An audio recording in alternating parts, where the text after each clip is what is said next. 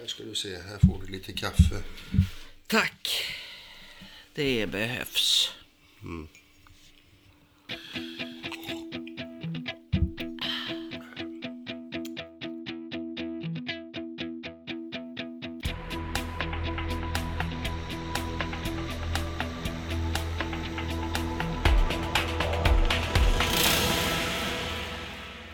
Det här är Peter och Maria. Det här är Peter och Maria.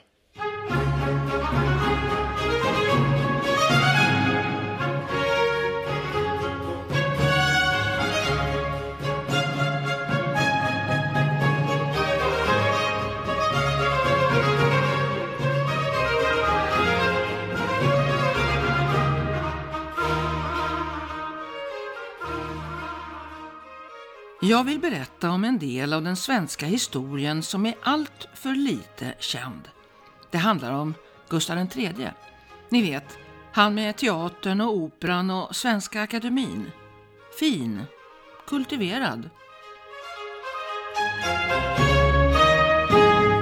Det handlar om hur Gustav III köpte en ö i Västindien av den franska kungen Ludvig XVI och han gjorde det eftersom han var avundsjuk på Danmark. Den danska kungen tjänade nämligen otroligt mycket pengar i den transatlantiska slavhandeln och Gustav III ville också ha sin del av kakan. Nu skulle Sverige få visa vad man gick för. Det handlade om prestige bland andra europeiska furstar och det handlade om pengar.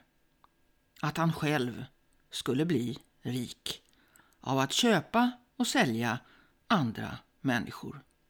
Gustav III, ja, ni vet, han med teatern, operan och Svenska Akademin. Fin, kultiverad, med slaveri som bisyssla. Än idag är det många svenskar som inte känner till att även vårt land var inblandat i en av historiens mörkaste kapitel. Det systematiska förslavandet av närmare 15 miljoner människor från Afrika som var en del av Europas kolonisering av Nord- och Sydamerika. När ursprungsbefolkningen i den nya världen hade utrotats behövde de vita erövrarna nya slavar för att tillskansa sig rikedomar. Och blickarna föll på Afrika. Så startade det systematiska kidnappandet och förslavandet av miljoner människor från den afrikanska kontinenten. Och liksom i de andra länder som ägnade sig åt detta handlade det även i Sveriges fall om pengar. Om man fortsätter österut från de stora öarna Kuba, Jamaica, Hispaniola och Puerto Rico, de så kallade Stora Antillerna, kommer man till en grupp mindre öar som kallas Små Antillerna. Dessa öar delas i sin tur upp i öarna över vinden och öarna under vinden samt längst i öster Trinidad och Tobago och Barbados. Bland öarna över vinden finns en ganska liten ö som heter Sankt Bartolomé. Ön som är ungefär lika stor som Gotska Sandön var i nästan hundra år mellan 1784 och 1878 en svensk koloni. Tanken bakom denna svenska koloni var att tjäna pengar på dåtidens mycket vinstgivande slavhandel och här bedrevs svensk och internationell slavimport och handel med slavar från Afrika. Sankt Bartlemej var en transithandel för slavhandeln. Men hur gick det till att denna lilla ö i Västindien blev en svensk koloni? 1783 reste den svenske kungen Gustav III till Italien och därpå till Frankrike.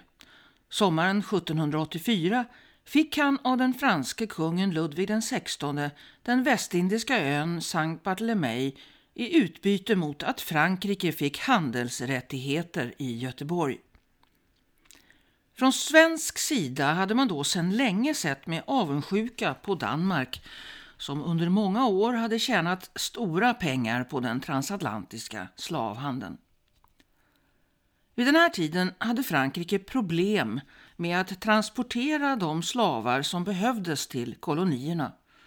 Ambitionen var att Sverige skulle exportera ett bestämt antal slavar till de franska kolonierna i området varje år och givetvis låta ön fungera som transitland för slavtransporterna mellan Afrika och den nya världen. Och Saint Barthélemy blev en sorts taxfree hamn i området. De bolag som transporterade dessa kidnappade människor från den afrikanska kontinenten kunde därmed gratis lasta av och sälja dessa människor på denna svenska koloni. Att ön inte dög till särskilt mycket annat framgår också av den första rapporten om ön som nådde Sverige, skriven av en svensk generalkonsul från Bretagne, Simon Berard, efter ett besök på ön.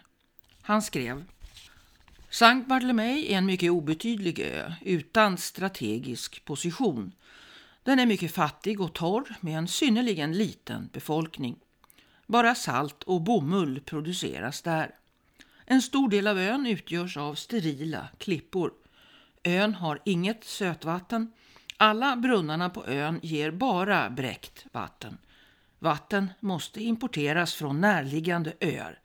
Det finns inga vägar någonstans. Enligt Berar fanns det inga större möjligheter att börja med jordbruk på grund av den dåliga jorden. Däremot fanns en skyddad naturhamn på öns västra del och man kunde förvänta sig stora förtjänster genom handel, framför allt slavtransporterna. När den första svenska guvernören anlände i mars 1785 uppgick öns befolkning till cirka 750 personer, varav 281 var slavar. Tanken från svensk sida var att om Sankt Bartolomé blev en ekonomisk framgång skulle Sverige kunna expandera till flera öar i området. De ledande länderna inom slavhandeln i Europa, Frankrike, Nederländerna, Portugal, Spanien och Storbritannien tjänade ohyggligt stora summor på hanteringen och Gustav III följde Berards rekommendationer och försökte göra Sankt Barthélemy till en nyckelpunkt i transporterna av slavar över Atlanten. Men Gustav III han hade också planer på att Sverige skulle delta med egna fartyg i själva handeln. På hösten 1786 startades det svenska västindiska kompaniet på ön. Kungen berättade för aktieägarna att de kunde se fram emot stora vinster.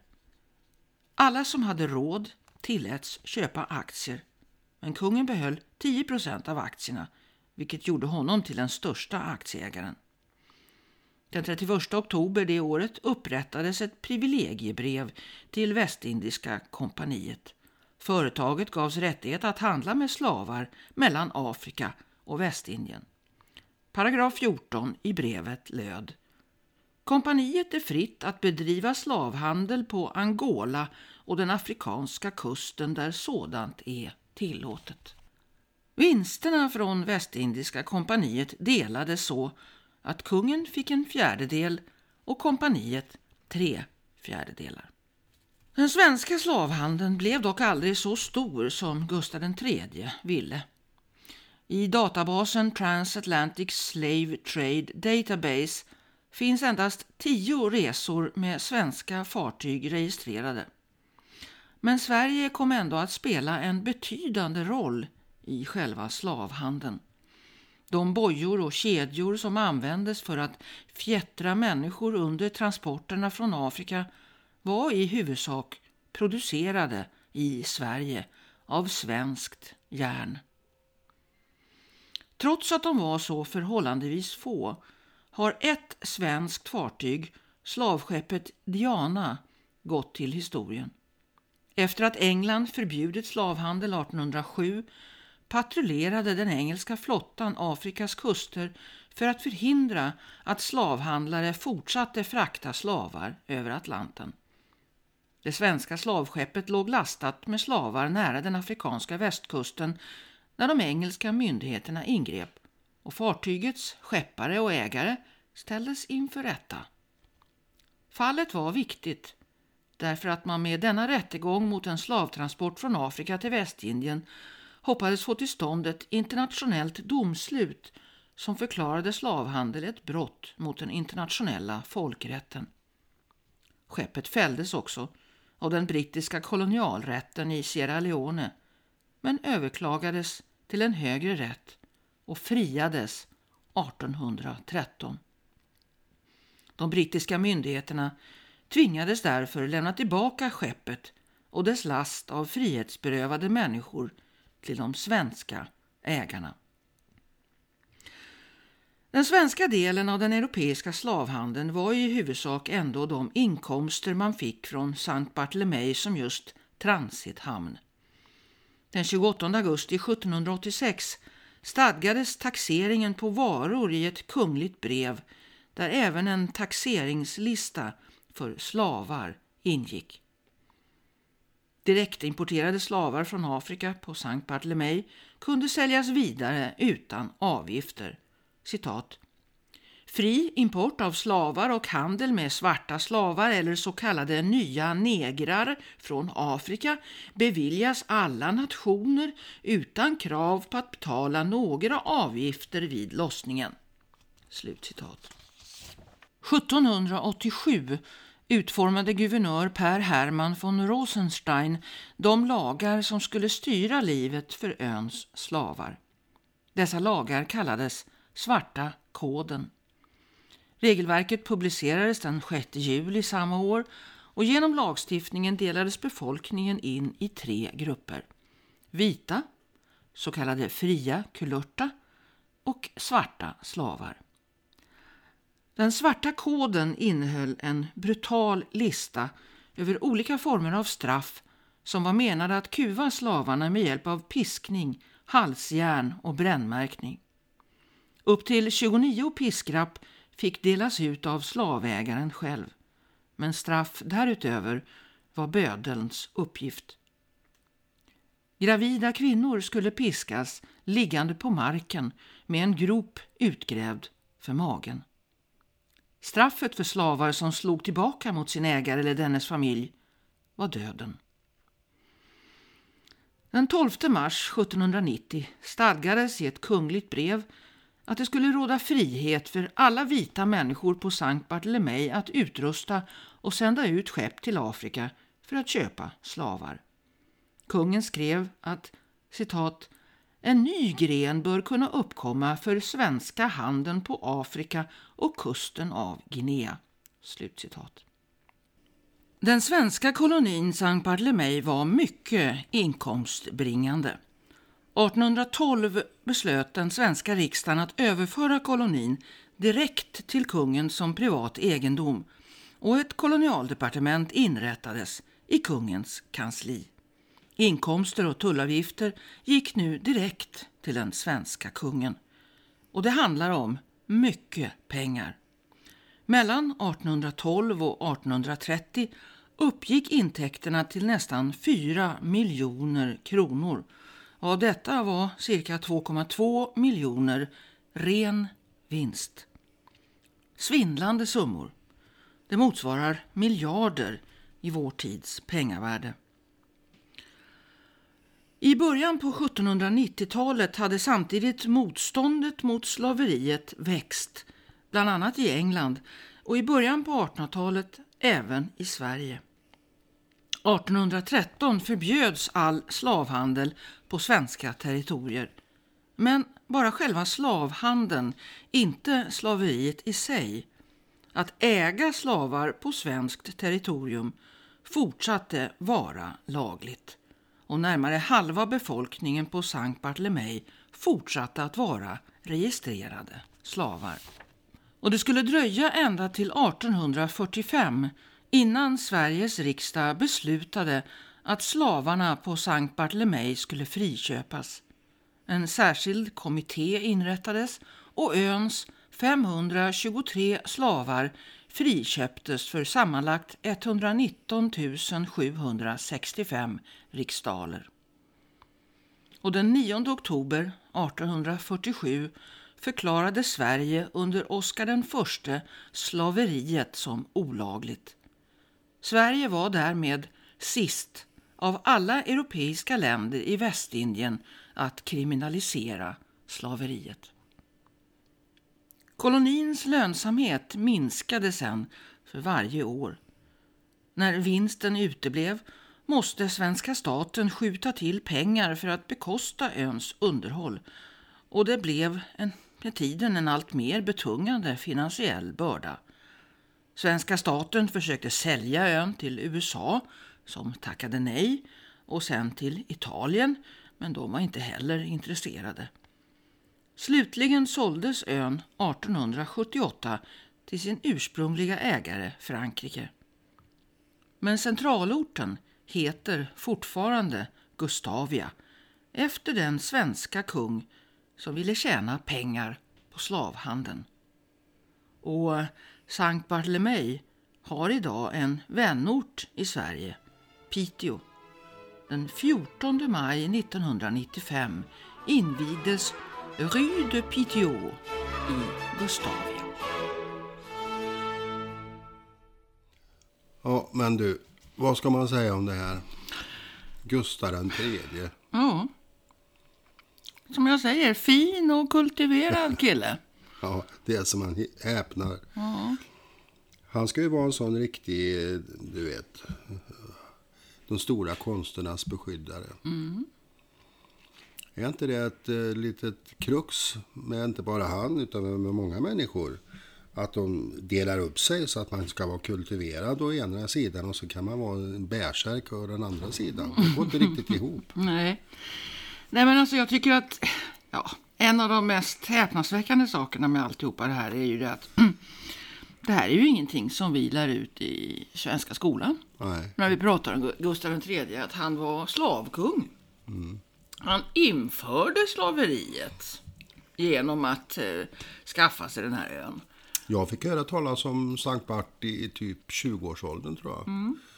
Och eh, då hade man ju ingen aning om det med Gustav III och så, utan mer att vi har haft en koloni som heter Sankt Bart. Och det tyckte man sådär, oj då. Coolt. Lite coolt, kanske. Jag vet inte. Man re- reflekterar inte så mycket över det då på 70-talet. Men eh, Du, må, du har träffat någon potentat ifrån Sankt Bart också? Jajamän, det har Ja. jag gjort. Det var så här att jag jobbade på hotellet här i Jo, Hotell Bellevue, som nattportier under ett antal år. Och detta kan ha varit 78, 79, 78, någonting sånt där. Kommer inte ihåg exakt. Så var det så här att det var en delegation ifrån Sankt Bart i Sverige. Och av någon för mig outgrundlig anledning så skulle de komma till Jo också. Så de passerade Jo och de, hade, de skulle bo på hotellet. Och eh, de kom ganska sent så det var jag som fick ta emot dem. Och det var någon, eh, kommer inte ihåg, någon hög potentat. De var två eller tre stycken. Men en av dem var eh, Sankt Barts så kallade utrikesminister. Mhm. Och han var en mycket trevlig prick. Det blev så att vi satt och snackade lite där i... i vi, vi hamnade liksom i, en soffgrupp som fanns där för att jag hade gjort mitt och sådär så att då var det, det var helt dött på hotellet. Får jag, får jag ställa en dum fråga med tanke på den här konstiga indelningen som de hade då? Var han vit, svart eller kulört? han var, ja vad skulle jag säga, kulört. Han var inte vit och han var inte svart utan han var någonstans mitt emellan. Tycker bisarrt eh, att läsa detta. Kulört. Fria kulörta. Så det är som tvättmedel. Ja. Eh, jo, eh, och då blev vi sittande där och då är det så här att det, är det här är ju preskriberat givetvis. Men det är ju strikta regler på ett hotell vad man får och inte får göra vad det gäller alkohol. Eh, bland annat så gäller ju det här eh, spritkassan som det kallas va? lagret där vi har alla, all öl och all sprit. Men jag tänkte så här, det var då själva fasen om jag sitter här med utrikesministern för Sankt Bart och han ska inte ens få en öl. Nej, det går inte för sig. Så jag bröt reglementet och öppnade och gick in och hämtade honom ett par öl. Och det var han mycket tacksam för. Han tyckte ju att vi var ju så serviceinriktade i Sverige. Och eh, på den vägen var det. Vi satt och pratade ganska länge han och jag, om allt möjligt faktiskt. Men det var en mycket, mycket trevlig man. Men det var mitt första och hittills enda möte med Sankt Bart i någon mening. Mm, när, när fick du klart för dig det här med slaveriet och att det var det som var mo- motivet till att man överhuvudtaget skaffade sig den här kolonin? Ja, det var mycket senare.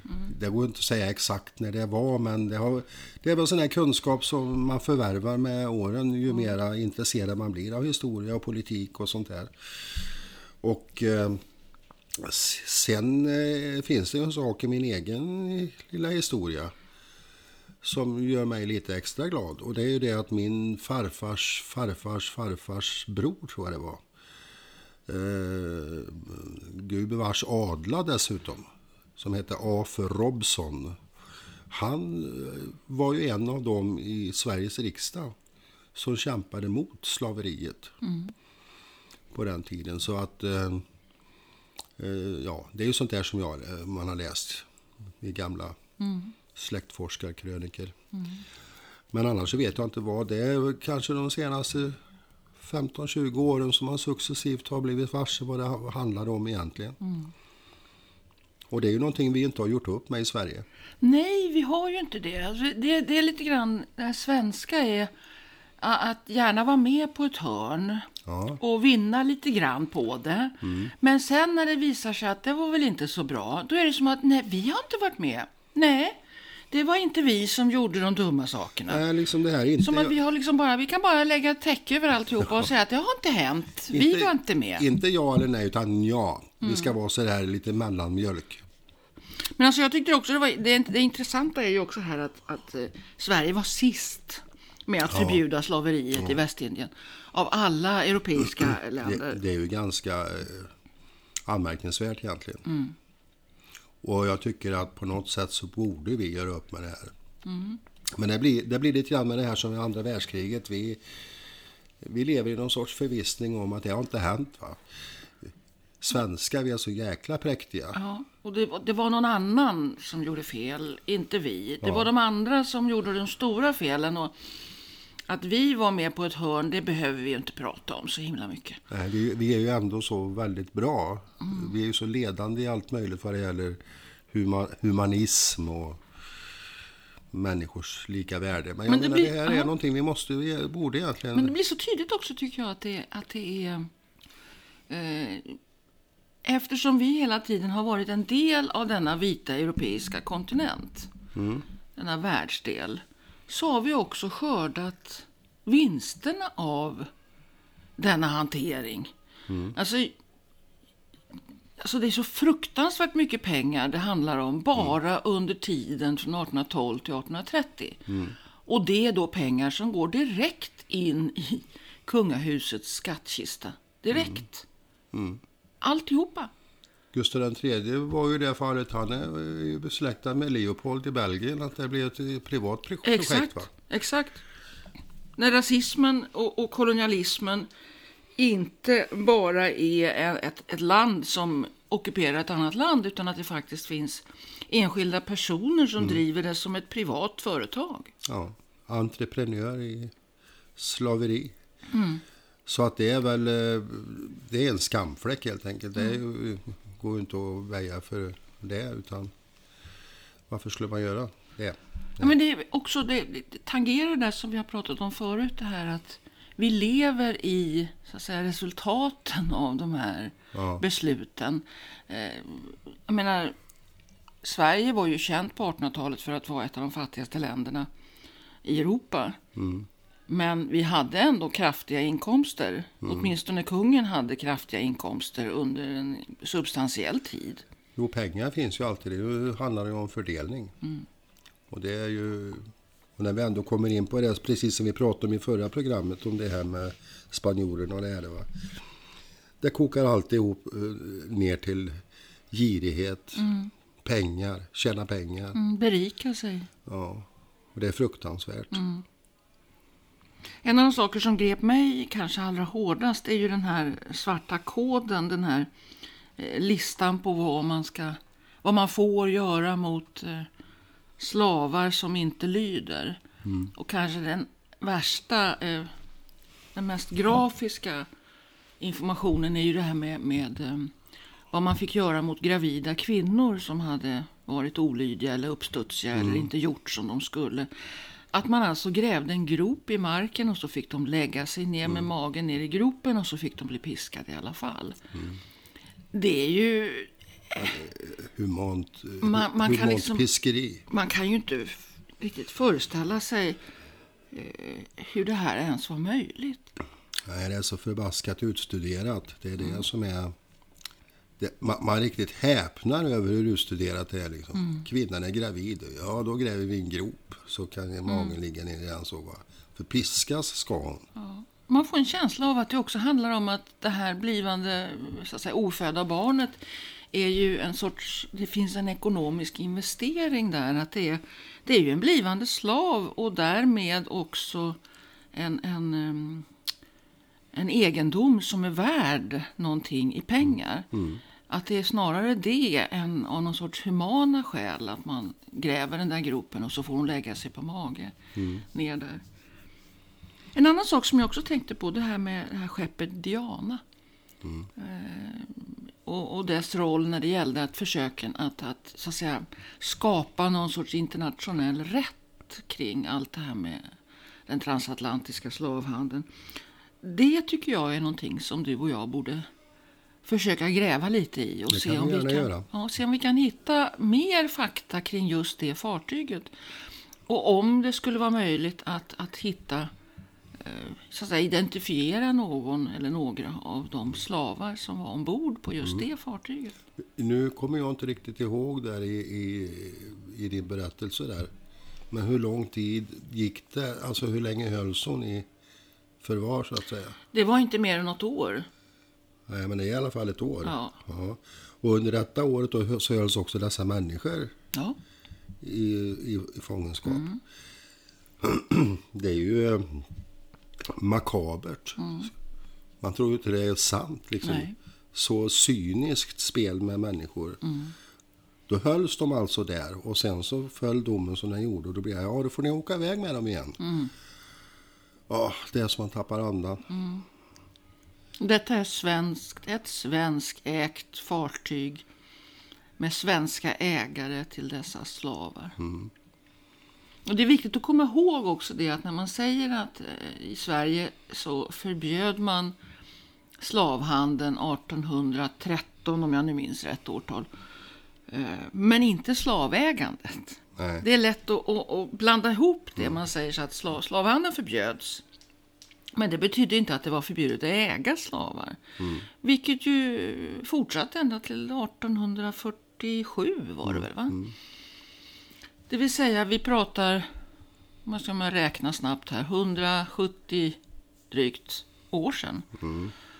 Eh, Så, eh, ja. Det, det finns en, en sång som Frank Sinatra sjöng som heter Love and Marriage. Goes together like love and uh, horse and carriage. Eller hur det är.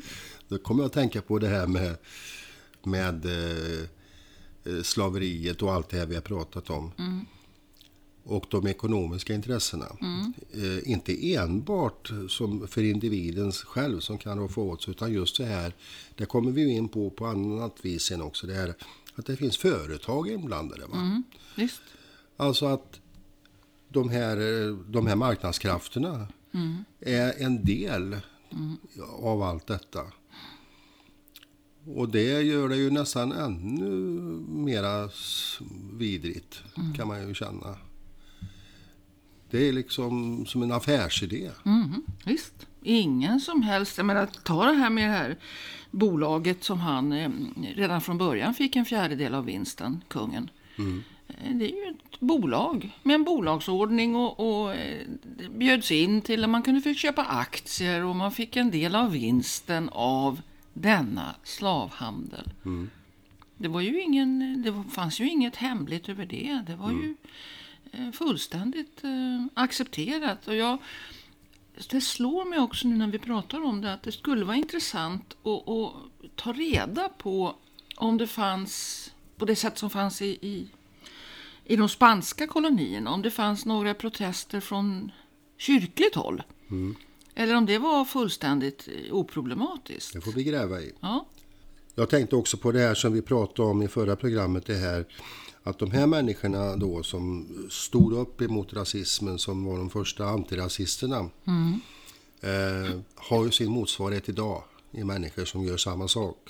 Och de talar ungefär samma språk. Skulle du vilja, vilja säga att det finns samma motsvarighet för de, an- från de andra så att säga? ja absolut. Absolut. Du tänker på Donald Trump? Till exempel. Ja. Jag tycker att eh, nu med tanke på det som händer eh, med, med, med Cohens eh, förhör, eller vad man ska kalla det, hans hearing i, i kongressen. Och hans beskrivning av hur, hur Donald Trump har fungerat. Eh, Eh, han, han beskriver hur Trump överhuvudtaget inte var intresserad av att egentligen vinna något presidentval. Han såg det som en sorts reklamkampanj. Eh, och motivet var de hundratals miljoner dollar som han hoppades eh, tjäna på det här ryska projektet. Det vill säga, här har vi en person som på alla möjliga sätt faktiskt personifierar precis den här attityden som var den dominerande bland de som först åkte över för att så att säga kolonisera den nya världen. Jag ska göra mig själv så rik som det bara går och om jag behöver trampa på andra, kliva på rättigheter, strunta i regler, bete mig som ett as, så gör jag det. Därför att det enda jag är intresserad av det är att tjäna så mycket pengar som det bara är möjligt. Och då blir det också att synen på dessa människor eh, för han över sen på, till sina anhängare. Så att alla dessa människor i någon mening skulle också förmodligen gett sitt bifall till slaveriet. Om de hade levt i rätt tid. Absolut. Men nu när vi kom in på Trump så har vi också förflyttat oss lite geografiskt. Och då kommer vi in på nästa grej i vår lilla vandring runt i kolonialismens spår. Jag ska, vi måste ju säga det att vi ska ju återkomma till just det här med den transatlantiska slavhandeln och Ja. vad det har betytt för, så att säga, i förlängningen för, för USA och för en stor del av, av Nordamerika. Vi har ju pratat om Sydamerika, men Nordamerika. Och inte minst vad det har betytt politiskt för USA ända fram till idag. Det, det är ju liksom någonting de, de inte kommer ifrån i första taget. Men där har vi ju ett väldigt, tycker jag, tydligt exempel på att eh, den politiska geografin är formad av de här 500 åren. Där situationen för, för eh, afroamerikaner i USA är ju ett bevis för att vi lever i den koloniala tiden. Vi lever i den rasistiska koloniala tiden fortfarande. Och där det blir så, tycker jag, fantastiskt att, att eh, Donald Trump är inte speciellt det är inte förvånande med en sån som honom. Han är snarare en typisk representant för de vita som kom över Atlanten och tyckte att här ska vi bestämma och vi får göra precis vad vi vill. Så länge vi tjänar pengar så är det enda vi är intresserade av. Ja, exakt. Men just det att, att eh, i, i eh, Nordamerika så pågick ju samma typ av, av utrotningsprojekt som i södra Amerika, eller Sydamerika som vi har pratat om. Eh, Det som delvis motiverade att man överhuvudtaget började tänka på att kidnappa människor i, i, Afrika. Och det är ju det som du ska prata om alldeles Det var strax. det jag tänkte att vi förflyttar oss nu ifrån Västindien och Sankt Bart lite upp Nordväst. nordväst. And I see a land young and lovely, hard and strong. For 15,000 years we've danced your praises,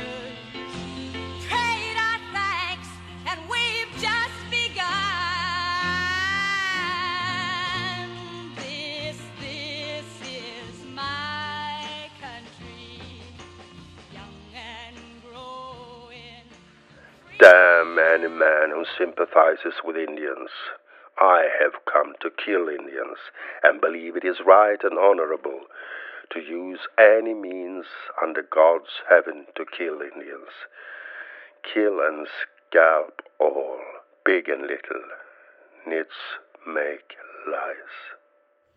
Förbannad vare varje människa som sympatiserar med indianerna. Jag har kommit för att döda dem och är övertygad om att det är rätt och ärofyllt att använda varje medel under Guds himmel för att döda indianer. Döda och skalpera allihop, stor som liten.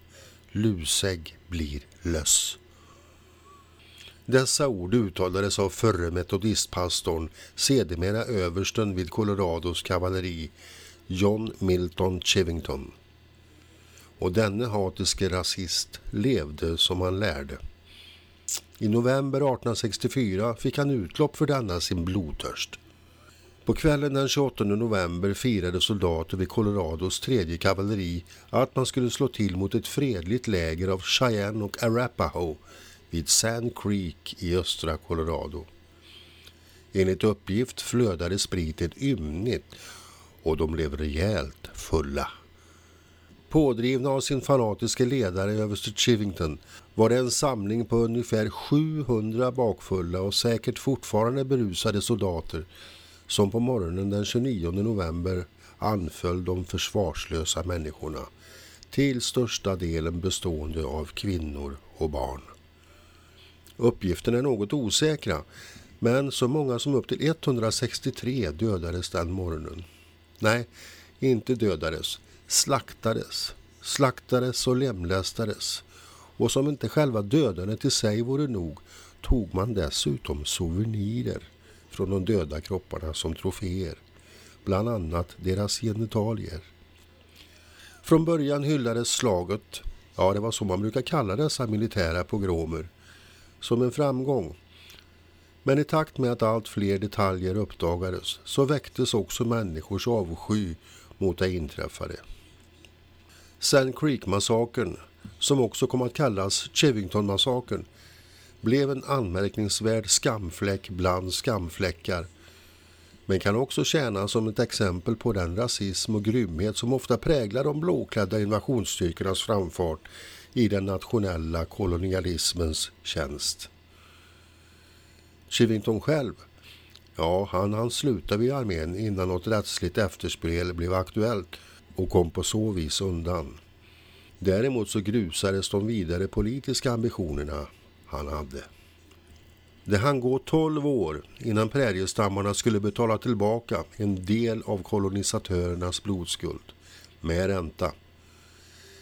Den 25-26 juni 1876 nedgjordes de stridande förbanden till sista man på en plats vid floden Little Bighorn i Montana.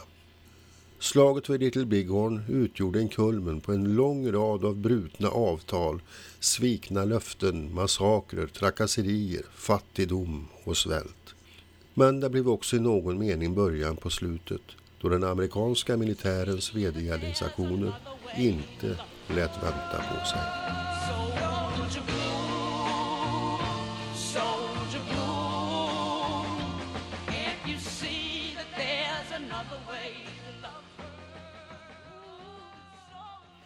Ja, Nordamerikas indianer. Em, Låt mig börja fråga, det är ju inte en slump att du har valt eh, Buffy St. Marie och sången Soldier Blue för att inleda detta. Berätta. Nej, det är väl det är ju helt enkelt det att Soldier Blue, den själva filmen som heter samma som låten, den handlar just om uh, Sand Creek-massakern. Och eh, den är ju väldigt bra gjord på det sättet att den har inte, den väjar inte för att beskriva som det var. Och, utan det är en ganska dramatisk, ganska gripande film på många sätt. Jag har i och för sig bara sett den en gång och det är ju hundra år sedan snart. Men, men jag kommer ihåg den som att jag var väldigt tagen efter att jag hade sett den. Och det fick mig också att själv gräva lite vidare i detta vad det här handlar om. Va? Och det var då som jag förstod att den handlade om Sand Creek-massakern 1864. Det finns ju, när vi pratar om filmer så finns det ju en film som, som handlar om eh, slaget vid Little Big Horn också. Ja. Little Big Man. Ja. Som väl kom eh, ja, typ tio år efter Soul Blue, någonting. Ja. Eh, jag antar att du har sett den också. Jajamän.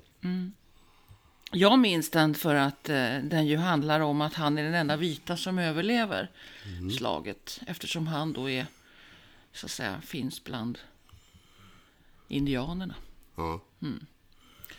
Men, men låt oss släppa filmerna, filmatiseringarna och Hollywood. I verkligheten, du avslutar här med att säga att det kom repressalier, det fick följdverkningar det här med slaget vid Little Big Horn. Vedergällningsaktioner. Ja. Ehm, det som hände egentligen då, eh, det var ju bland annat då att då satte ju Washington in alla, alla klutar som de kunde för att eh, stävja eh, våldsamheterna borta i, långt borta i väster. Va? Får man en känsla av att det också handlar om en sorts förödmjukelse? Att här hade liksom en, en del av den stolta amerikanska armén blivit nedgjord i sista man av de här eh, rödskinnen. Nu skulle man sätta exempel. Eller Ja, och det intressanta är också att eh, Washington nåddes av eh, nyheten om Little Big Horn på nationaldagen den 4 juli. Okej. Och det kan man ju se som någon sorts symbolik i sig, att det var en riktig knäpp på näsan. Va? Men eh, man byggde också, man smällde upp en massa fort till exempel. Va? Eh, det, det skedde en expansion från de vita sida just då. Och eh, Sitting Bull och Crazy Horse, de två som var de stora härförarna i, eh, trots att Sitting Bull aldrig deltog i striden, det gjorde han inte. Sitting Bull var den som en, lyckades ena cheyennerna och Sioux-indianerna för att göra detta till ett gemensamt projekt.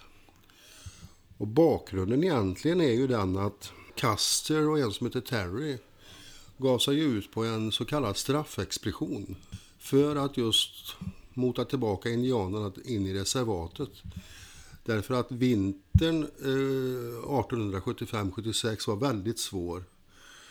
Och de hade drabbats av hungersnöd och eh, gav sig helt enkelt ut på prärien för att jaga buffel eller bisonoxe. För att de behövde ju både mat och kläder. Va? Samtidigt så hade ju det här eh, Black Hills bodde de i, i det området. Vi pratar ju då alltså om Wyoming, Montana, South Dakota i det området. Då hade de ju eh, upptäckt guld där. Så det kom ju fler och fler vita eh, dit för att söka lyckan. Och från Det här är alltså före slaget vid det Little är Big Horn. före slaget vid, vid Little Bighorn. Ifrån början var det bara små, små saker som hände. Va? Eh, lite, lite småkurr här och var. Men sen blir det mer och mer. Och ju mer och mer som de här strömningarna av, av folk kom dit som skulle liksom vaska guld. Desto mera sura blev ju indianerna. För det, de bröt ju avtalet. Eh, för det här går ju tillbaka till 1860-talet då en av de stora hövdingarna, Red Cloud, han, hade ju, han är ju den enda egentligen som har fått ner Amerika på knä. Eh, så långt så att de, de fick till ett avtal. För 1860-68 så krigar han ju med, med den amerikanska armén. Och till slut kom de ingen vart va. Utan de, de gav sig helt enkelt. Och det som hjälpte till att de gav sig det var ju det här med järnvägens expansion. Va? Man resonerar ju ungefär så här att eh, vi kan inte hålla på med det här för att då försenar det järnvägen. Så skriv, ungefär skriv under vad skit som helst va? så vi blir av med det här problemet. Ungefär så resonerar man. Och då fick ju indianerna ett stort område som skulle vara fredat. Men det var ju bara det att det blev ju inte det. Och i takt med att man bröt mot alla de här ingångna avtalen, desto mera problem blev det. Och så kom det ju då, vad blir det, 68 till 76, jag kan inte ens räkna, åtta år. Så åtta år senare så kulminerar detta i, i de här problemen som det här handlar om. Eh, de i alla fall, eh, Custer och den här Terry kom ju upp norrut för att eh, leta reda på de här då, Sitting Bull och Crazy Horse och deras stammar. De, de höll ju på att vandra runt och det var inte, så, det var inte bara att åka dit och hitta dem utan man var ju tvungen att försöka och lokalisera var de var. Man hade spejare med sig. Och, och så till slut så hittade man dem och skulle ta, eh, skulle ta dem och trycka tillbaka dem till, tillbaka till reservatet. Och det var då som man då stötte ihop. Eh, för att givetvis så hade ju de här solstammarna och eh, cheyennerna hade ju också sina spejare. Så man visste ju att trupperna var i rörelse. Och det gjorde ju det att man, eh, man hade ett gigantiskt läger där uppe som de vita då hittade.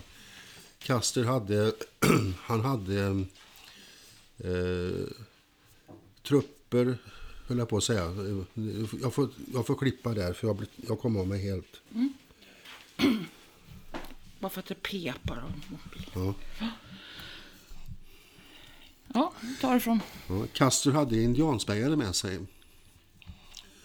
För det, det, det ska man ju ha klart för sig att de hade. De, det fanns ju, alla var ju inte helt sams. Eh, Utan man hade spejare då som själva var antingen indianer eller halvblod som det heter. Va? Också. Och de hade alltså hittat ett, resterna av ett gigantiskt läger. Och om man tänker sig i sammanhanget, det var alltså typ en kilometer brett och nästan 10 kilometer långt. Alltså en mil. Det, är, det går inte plats lite folk där. Och då förstod de ju att det, det här är, ser inte bra ut. va. Har de samlat sig i sådana såna mängder. För det går plats typ en 7-8 tusen personer på ett sånt ställe. Va? Men Kaster trodde inte riktigt på det där. Utan han sa att det, det, ni måste ha sett fel va. Han hade ju lite det här, han hade ju en sorts hybris Caster. Men han hade, han hade samtidigt byggt upp ett rykte av sig som en väldigt framgångsrik indianjägare. Och det bar ju honom hela vägen för att Custer var ju någon form av, han var ju lite rockstjärna helt enkelt på den tiden. Det var ju väldigt många som tyckte att han var en riktig storfräsare och han var ett känt namn och så vidare. Så när han förlorade sen vid Little Big så fattade man inte hur det hade kunnat gå till. För man trodde ju i princip att han var oslagbar.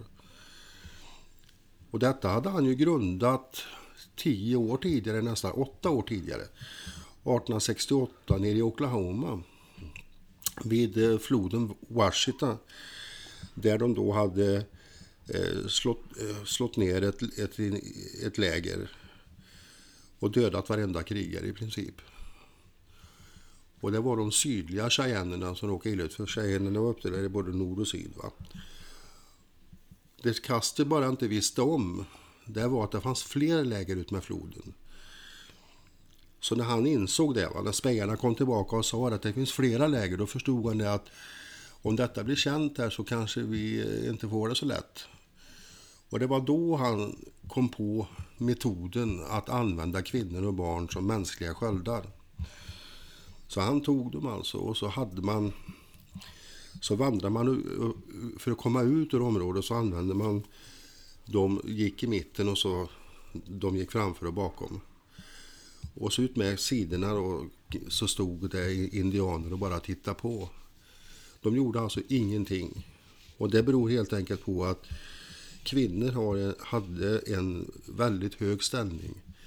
De var de, de som ansågs stå närmast gudarna och det var de som var livgivarna i och med att de födde barn och så vidare. Va? Så det var helt otänkbart att de skulle attackera. Så de fick bara stå och titta på när de bara vandrade rakt ut. Va?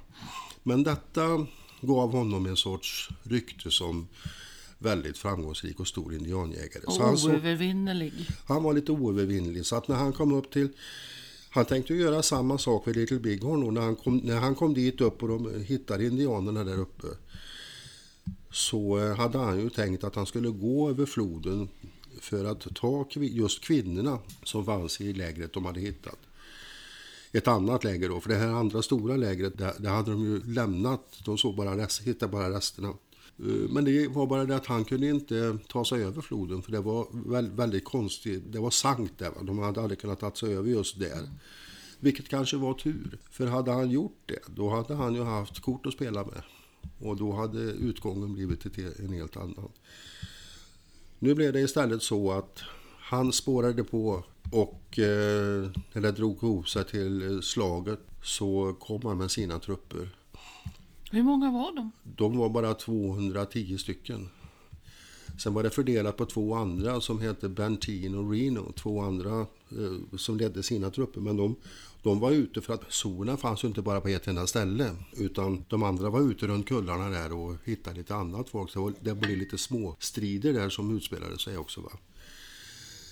Sen fanns det någonting som jag känner var väldigt likt Rickard den tredje. När han står inför sitt sista slag i Bosworth så fanns det ju en, en eh, hög adelsman som hette Stanley som stod och tittade på och inte deltog i, i kriget. Han svek honom i sista stund. Och lite grann så var det här också. Bentin, som han hette, hatade Custer. Och när han, fick, när han förstod vad som var på gång där så hade han inte så att säga särskilt bråttom tillbaka. Så det var ingen som kom till undsättning utan Custer fick klara sig själv. Och då var det eh, Sorna, Sorkrigarna var hur många då? Man vet inte exakt, men kanske uppåt 2000. Okej. Det intressanta var också att de hade fått tag på vapen. Så deras eh, ungefär några hundra av dessa soldater, eller eh, in, in, vad heter det, so, eh, krigare, de hade ju Winchester-gevär som var mycket överlägsna de gevär som de bössor som soldaterna hade. Så det betydde att de fick, soldaterna möttes av en eldgivning som tog dem helt på sängen.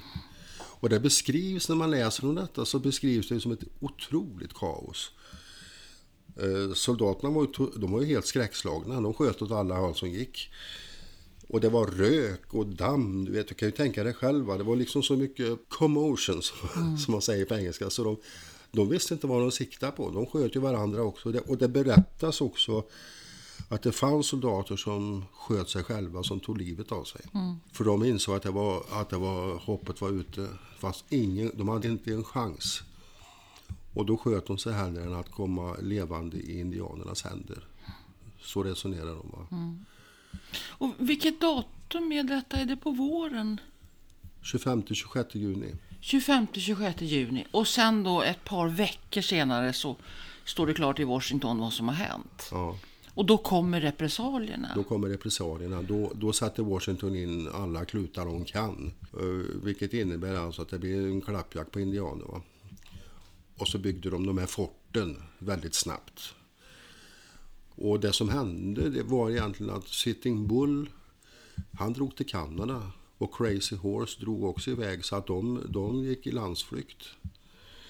Sen kom ju Sitting Bull tillbaka några år senare. Han blev ju bland annat då, när det hade lugnat ner sig, så blev ju han eh, cirkusartist Jaha, hos eh, Buffalo Bill. okej. William Codys Circus. Var, han- var han med till Europa också? Det vet jag faktiskt inte. Det kan hända att han var. Men det som var lite tragiskt i detta, det var ju inte att han blev cirkusstjärna, utan det, det som var tragiskt var detta att denna stolta hövding liksom, han var egentligen medicinman från början, ska tilläggas, som hade synen och grejer, så att de bygg... Han hade ju förutsett det här slaget bland annat. Så de hade ett väl, väldig eh, stridsmoral, för de visste att de skulle vinna, va? ungefär så. Han insåg att deras tid var ute. Att det helt enkelt var kört.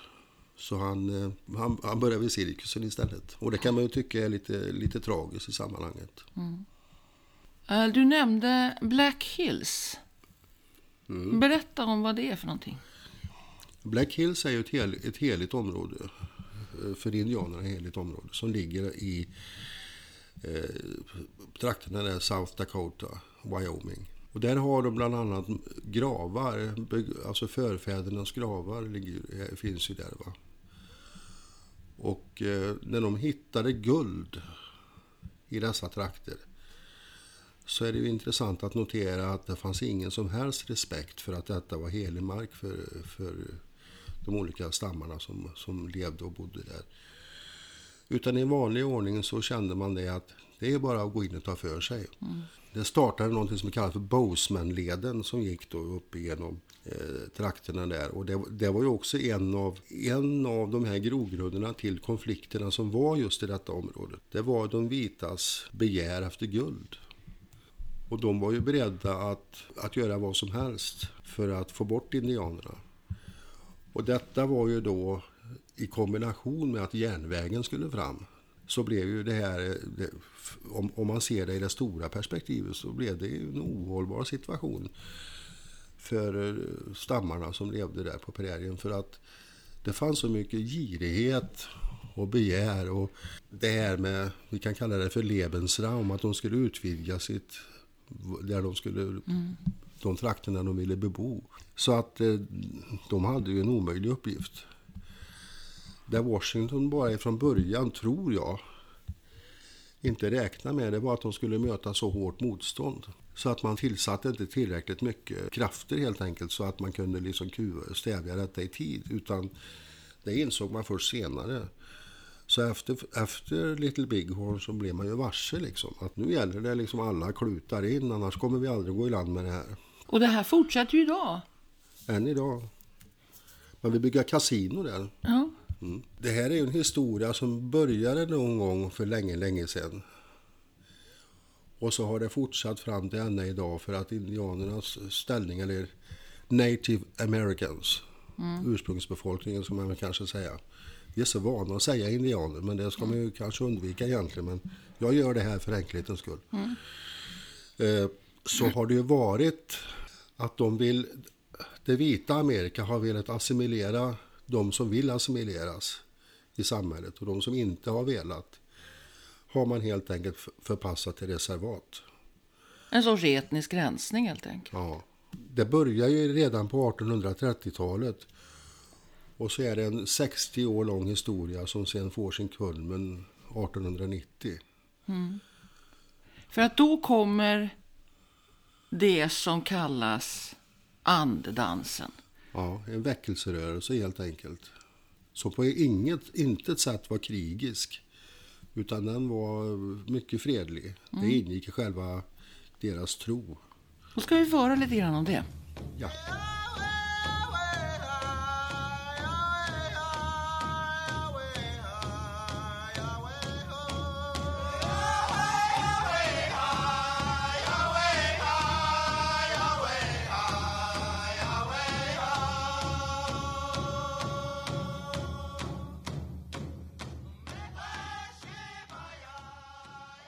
Andedansen var en fredlig väckelserörelse bland Amerikas urinvånare som förebådade en ny Messias som skulle uppstå bland deras eget folk.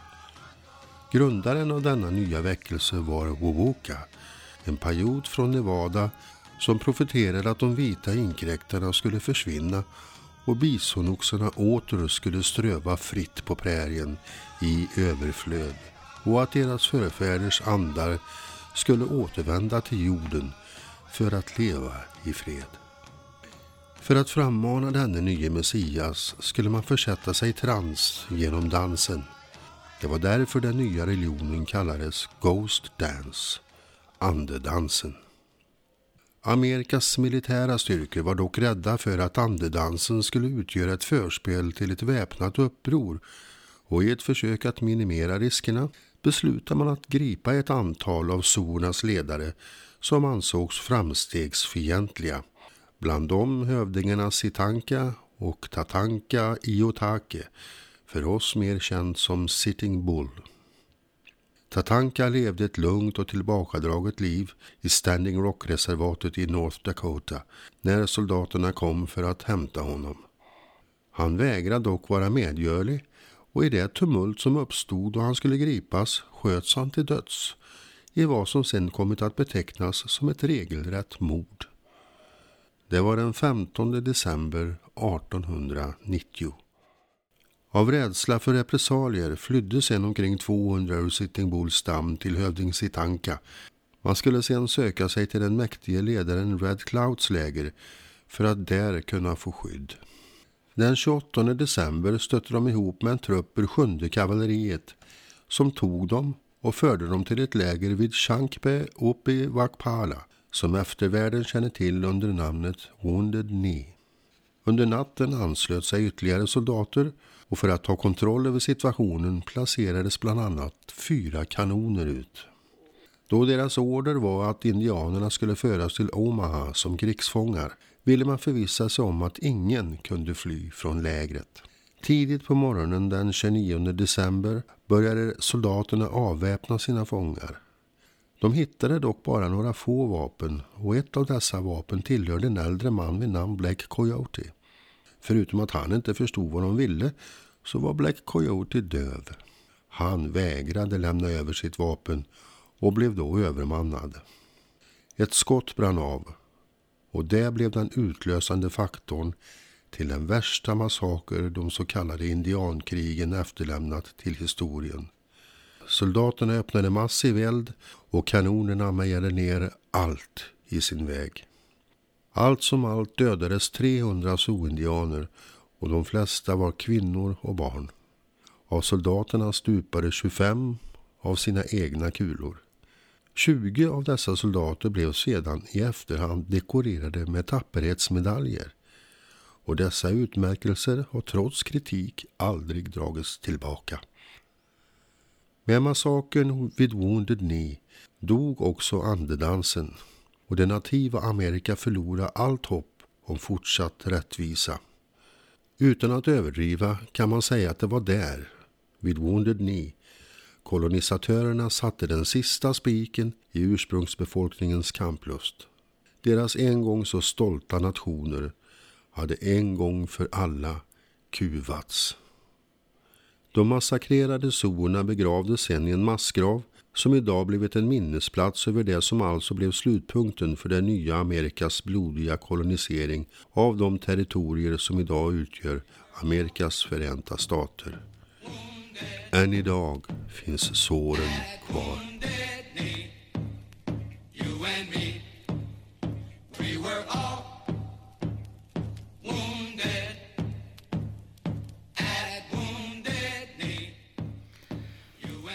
Ja, här kan vi ju se att eh, USAs koloniala och rasistiska historia inte är någonting som bara finns i det förflutna. Det är, finns i marken, i jorden. Det är en del av geografin och det politiska organiserandet som fortfarande lever idag. Det är så att säga ett land, USA är på det sättet ett land byggt på utrotning, på etnisk rensning, på folkförflyttningar och, och så vidare. Och det är någonting som, som man liksom inte kan... eh, Man kan naturligtvis välja att strunta i det, men man kan egentligen inte blunda för det, för det är någonting som finns där hela tiden. Och, och du kan ju berätta lite grann om, om just det här med hur viktigt det var eh, under eh, de första decennierna av USA att man så småningom insåg att man måste utöka så att säga, territorierna västerut. Vad var det som hände på 1830-talet? Ja, det, det startade väl egentligen redan på 1820-talet eh, kan man säga. Att man ställde sig frågan hur, hur ska vi kunna komma över de, den, det, de landtillgångar som tillhör indianerna. Hur ska vi kunna expandera västerut? Och eh, det startades ju en, det finns en sak som heter Manifest Destiny. Som då är en sorts, det är svårt att säga vad det är egentligen. Det är ingen ism eller någonting sånt och det var ingen politisk rörelse utan det var mer en idé. Ett sorts tankegods. Som, som blev någon, li, lite mytiskt för amerikanerna. Från vita amerikaner, en sorts Ja. ledstjärna för hur man Ja. skulle handla, agera västerut. Ja, att, det blev för, att det var förutbestämt i princip. Där har vi också någon sorts nästan religiös... Ja, att det vita Amerika skulle sträcka sig från kust till kust. Och nu återstod ju då frågan, hur ska, vi, hur ska vi göra med det? Hur ska vi lösa det?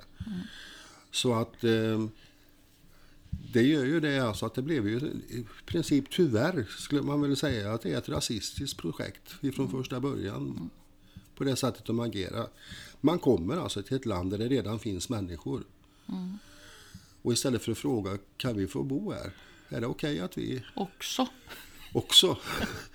Så, tänk, så säger man För det händer ju saker redan precis där i början eh, Ja, med. Mayflower. Jag menar, det är ju även de östra staterna är ju byggda på stölden av land. Ja, man, man, man kliver helt enkelt egentligen i land och säger att nu ska vi bo här så nu får ni flytta på er.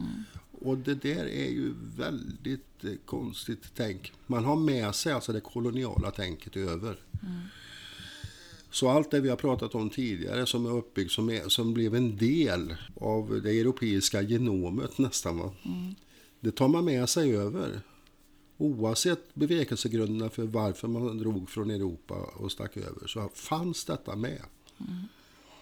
Och det visar sig med all önskvärd tydlighet sen hur de agerade. Och vad är Removal Act? Ja, det var någonting som en idé som startade i slutet på 1820-talet som sen blev lag 1830, i maj 1830. Som hette Indian Removal Act och det var under, under president Jackson. Som helt enkelt gick ut på att indianerna som fanns i östra delen av USA skulle förflyttas till andra sidan Mississippi. Och det satte man igång med helt systematiskt. Och på pappret då så är det en så kallad frivillig verksamhet, men det var det ju inte i realiteten.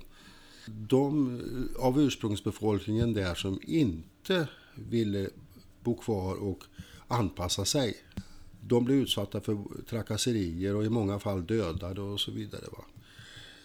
Så det mynnade ut i att man förflyttade dem till ett, man deporterade, man tömde hela landsänden på, på folk. Så man deporterade dem till ett stort reservat i Oklahoma. Tårarnas väg kallas det för. För de fick gå och det är ju ett par hundra mil nästan. Va? Mm. Så det var ju många, många, många, många tusen som dog ut med vägen av umbäranden och sjukdomar och svält. Och. Så det var en hiskelig soppa alltså. Har man någonsin gjort upp med det där? Har USA, alltså har, finns det... Nej, det, det, det är ett dåligt samvete och det har varit uppe ibland politiskt där, man, där en del tycker att man ska be om ursäkt. För det är en skamfläck i Amerikas historia. Och det är väl det minsta man kan säga att det är. Det, man, det, det man gör till exempel det är att man lösgjorde bland annat runt 100 000 kvadratkilometer mark. Och då pratar vi om Georgia och Florida, South Carolina, där Tennessee, i de trakterna. Eh, Genom att helt enkelt lagstifta bort deras äganderätt. För det här var ju ursprungsbefolkning som eh, inte var nomader på samma Nej. sätt som apacher och, och, och zoer. På, alltså prärieindianerna. De var ju så att säga stationära. De hade trähus och de bodde på ett ställe. Och De så. var, de var lite jordbrukare så, de odlade själva. Och, så det var ett helt, var ett- helt annat koncept, om man får uttrycka sig så, som, än vad prärieindianerna hade, som var de fria viddernas folk. På, på så vis så är det också där som de finns som hade lättast att samarbeta med de vita sen när det väl... Eh, för cherokierna till exempel, de fanns ju också i det här territoriet. De hade deporterats till Oklahoma. Men de togs delvis till nåder i amerikanska inbördeskriget så de utgjorde egna bataljoner som var, bestod bara av cherokeer. Va? Och många av dem sen blev ju akklimatiserade sig i, i det vitas Samhällssystem, samhälle, ja. En sak som vi pratade om när det gällde eh, så att säga, koloniseringen av Sydamerika var ju det här att först så kom, den första vågen så, så kom eh, vita och stal saker och sen kom det protester från vissa kristna som sa att så här får man inte göra. Och sen kom i nästa steg kom den här tanken att vi har någon sorts moralisk rätt att göra detta. Vi ska civilisera de här vildarna. Där finns det ju också ett liknande tänk i, i eh, det här första skedet eh, i USA. Ja, och det finns ju överhuvudtaget detta, när du nu nämner det här med vildarna. Det här att man kallar dem systematiskt för rödskinn och vildar och allt sånt där. Va? Vilket ju gör att man avhumaniserar dem. Och när du har gjort det tillräckligt länge så att det blir en normal situation, då är det ju ingen som protesterar när du åker ut och har ihjäl dem. Och det, är, det där är samma system egentligen då som nu. Man kan se väldigt, väldiga paralleller med dåtiden och nutiden på det sättet. Men det kom också ett skede när, när eh, så att säga Washington, om man får säga, bestämde sig för att betrakta vissa av de här stammarna som bättre än de andra. Ja. Fem, fem stycken stammar utsågs till de fem civiliserade stammarna. Och dit hörde bland annat då eh, cherokierna. Eller cherokeser som de egentligen heter. Och eh, det hade bland annat att göra med att de blev eh, slavägare. Oj då. De som alltså akklima, akklimatiserade sig eller assimilerades. Så att, att vara civiliserad i det här samhället, det var att äga andra människor. Ja, att- Ur det vita perspektivet. och var, och var goda plantageägare också. Många kom ju in på ett annat vis i, i det amerikanska samhället och, och, och blev kvar där helt enkelt. Och en del eh, blev ju etablerade på något vis. Va? De, de fogade sig i att Kan det, eh, det här måste ju ha bidragit till en, en eh, när, så att säga, nordsidan sen vann. Ja. Hur såg man där på dessa före detta slavägande indianer? Ja, det var en bra fråga för det vet inte jag faktiskt riktigt. Det får vi ta reda på. Det får vi ta reda Det på. vi ta reda på. Men jag kan nämna i sammanhanget här när vi ändå... Det var det att i Texas så eh, styrdes det väldigt mycket av, som det hette, kristen moralism och rasistiska dogmer. Och 1839 så utförde man, det var i vågen av allt det här då, så utförde man vad som egentligen betecknas officiellt som en etnisk rensning. Det var hårda bud. Ut med allihop bara. Och de som inte stack, de dödade man. Så att, och Texas Rangers, som ju är så sägeromsbunden polisstyrka, bildades ju därför att det fanns väldigt lite, det fanns ju egentligen ingen ordningsmakt i Texas då. Så det var- bestod av volontärer som, som ställde upp. Och deras huvuduppgift i början var just att döda så många indianer som möjligt. Så det är ju en ganska förfärlig hantering.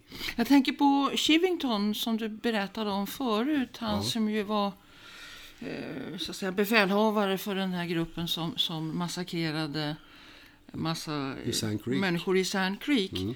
Han var ju, eh, hade ju kämpat på nordsidan i inbördeskriget. Han var abolitionist. Och han var abolitionist. Ja, han var mot slaveriet. Ja. Eh, men hatade indianer. Hur får man det där att gå ihop? Ja, det visar väl lite grann att det här eh, rasismens brygd är väldigt giftig. Och den har heller ingen logik. Den är mycket, mycket svår att förstå sig på. Så att eh, han är ju inte ensam om att ha det rörigt i skallen. Vad det gäller moral. För det verkar ju som att det finns andra som och andra så, så här, har, har en annan indelning då som tycker att, att indianerna är helt okej, men de svarta är inte människor. Så det finns ju alla möjliga olika varianter av, av eh, alltså en total eh, skamlig röra av eh, människoförakt helt enkelt. Ja, precis. Det är ju det att det finns ju egentligen bara en linje där. Och det är ju att alla människor, om vi nu tror på alla människors lika värde, då är det så att alla människor är lika. Man måste lägga bort alla sådana här indelningar. Och få bort det här rastänkandet. Man måste liksom en gång för alla bara utplåna det från, ur historien. Eller inte historien, men alltså ifrån ens, den vidare mänskliga historien. Bort med det. Så. Men här är ju ändå, ja, det är inte 200 år sedan. Nej. Det det och jag menar nu när man har blivit lite äldre själv så inser man ju att tiden går ganska fort. Och 50 år är ingenting. Det är liksom några livsåldrar sedan så, så är vi där. Och eh, vad kan vi säga då om, om dagens situation i USA? Är, jag tänkte på till exempel den här förhöret med Cohen som var häromdagen. Och, och hur det blev liksom en sorts bizarr diskussion om det här med vem som är rasist och vad som kännetecknar en rasist hit och dit. Vad tycker du att kunskapen om vad som hände då säger om det som pågår idag? Det som jag spontant skulle säga, det är att det, det Trump och hans administration håller på med, det är att återinföra det rasistiska projektet i Amerika. Skulle du säga att det har i någon mening aldrig försvunnit utan det har bara tryckts ner? Ja, vi är alla arvtagare på något sätt ifrån olika grenar. Så det är inte så att bara för att man är vit att man plötsligt blir trumpist. Utan man, man, man, om man söker sig tillbaka så finns det säkert tentakler till de här människorna som på den tiden anammade detta och tyckte att det var en, en hantering som var försvarbar. Därför att vi är, vi är alla arvtagare från någonting. Det, det sitter väldigt djupt hos oss.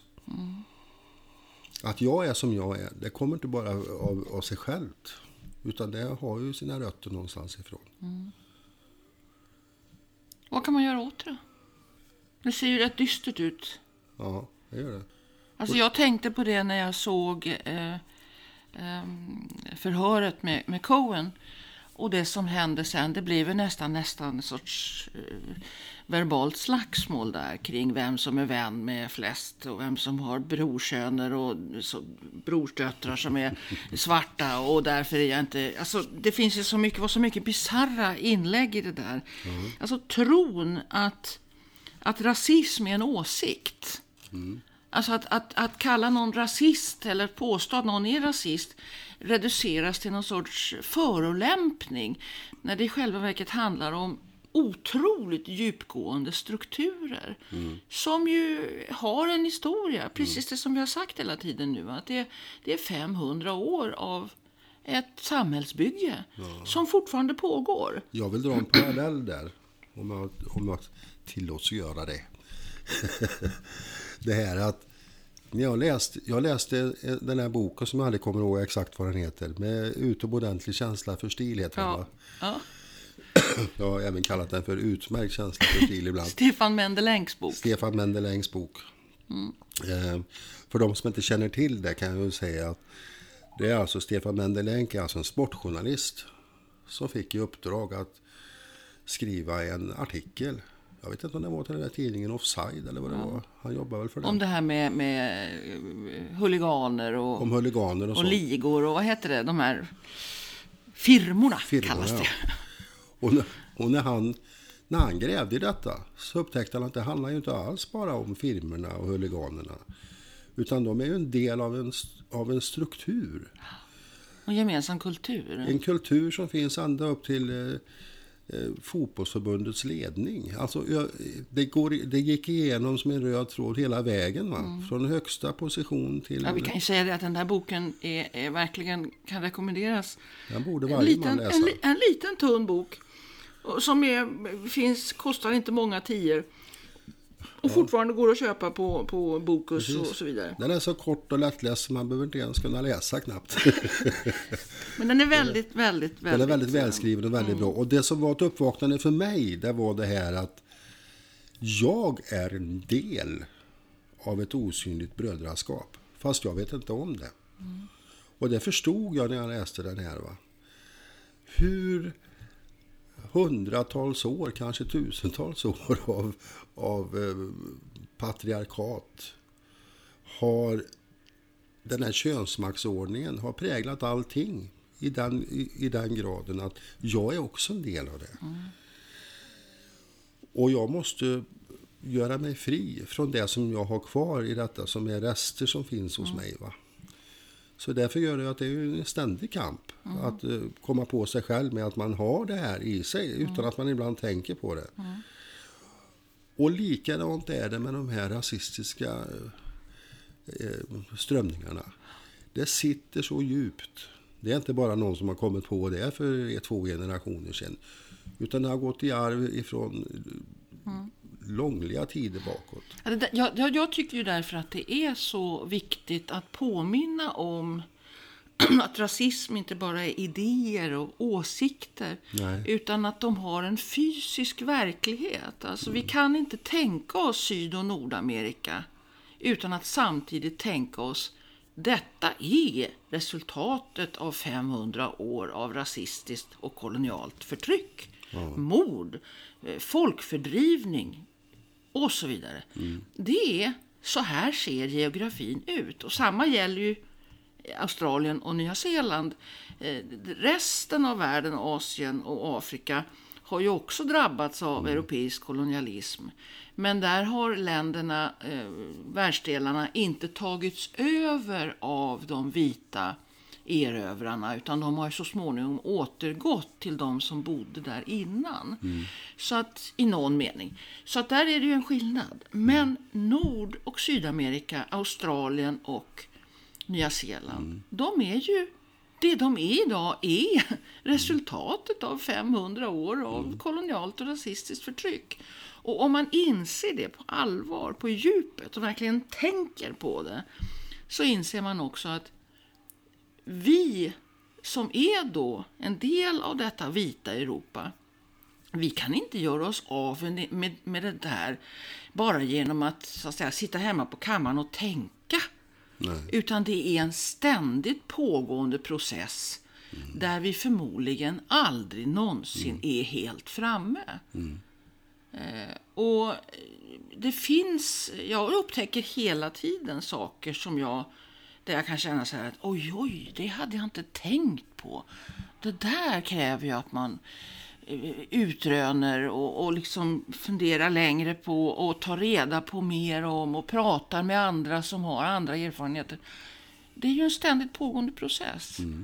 Och eh, erfarenheterna från, från eh, USA och de så kallade indiankrigen är ju bara en, en, så att säga, en liten del i hela den här historien. Men den har ju också kommit att prägla eh, vår, så att säga, kult, kulturellt präglat vår gemensamma västvärld genom att det här med vilda västern och indianer och vita och så har blivit en sån, eh, så att säga, en sorts, ett sånt tema i framförallt Hollywood eh, Och du, kan inte titta, och och du kan inte titta på en, en dokumentär om, om de här sakerna utan att det finns någonstans en sorts hjältegloria även Mm. över de här blårockarna va? Och deras ledare. När de egentligen många gånger var, jag säger inte att alla var det för det fanns undantag, men många av dem var just riktiga rasister och, och penalister och, som inte väjde sig vare sig för att utplåna människor eller tortera eller hade inget samvete alls. Så att jag menar, i någon mening så borde de mötas av samma förakt som många nazister gjorde. Alltså, eller gör. Istället för att glorifieras. Och det har du också, i, det var bara en detalj jag tänkte på, du har ju det på, i Little Bighorn. På slagfältet där så har du alltså en liten, en liten, liten gravsten, eller vad man ska kalla det för, en minnessten. På varje plats där en soldat stupade. Är det så? Ja. Alltså det finns gravs, alltså det finns plak, alltså, säga, stenar ut över de vita. grav, ser ut som en liten gravsten. Oj, oj, oj. På varje ställe där man då, för att det, det slaget då, det är ju otroligt väl dokumenterat va. Så att man vet ju precis var alla låg. Och här låg Custer, det var där man hittade honom. Va? Så där finns en sten över den är ärofyllde härförare. Och jag menar det för mig känns det helt jättekonstigt. Sen klumpar man ihop indianerna till någon sorts packe bara liksom. De är bara, li- det, det skulle aldrig hända liksom att göra så med indianer. Och som Wounded Knee då, där fick de en massgrav som man slängde dem i. Denna veritabla slakt. Måste man ju säga att det var. Och där har du ju än idag eh, såret efter detta lever kvar så starkt. Du hade ju någon gång, jag kommer inte ihåg när detta var, det var väl någon gång på 70-talet tror jag, så var det väl ett gäng eh, ättlingar till zooindianer som ockuperade Wounded Knee, var det inte så? Mm, jo, det var det. Alltså beväpnade. Mm. Och detta är ju hundra år senare i stort Mm. sett. Va? Då. Så att jag menar, det där såret sitter djupt. Som Redmoon sjöng. We were all wounded at wounded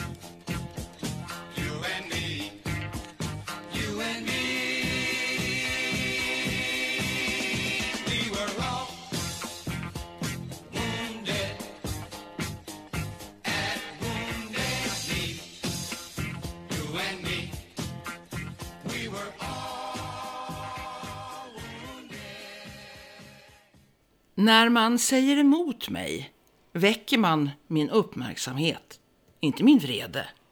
Jag närmar mig den som motsäger mig, den som lär mig något.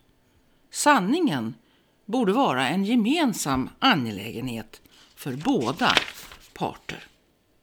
Jag hyllar sanningen och hälsar den i vilka händer jag än finner den. Jag kapitulerar glatt för den och nedlägger besegrad mina vapen när jag ser den närma sig på långt håll. Och bara man inte uppträder med alltför befallande skolmästarmin stödjer jag gärna invändningarna mot mina skrifter. Jag har ofta rättat dem, mer av artighet än för att förbättra dem. Ty genom att lätt ge efter vill jag gärna stimulera och uppmuntra till fri kritik av mig, till och med på min bekostnad. Men det är verkligen svårt att få mina samtida att göra det.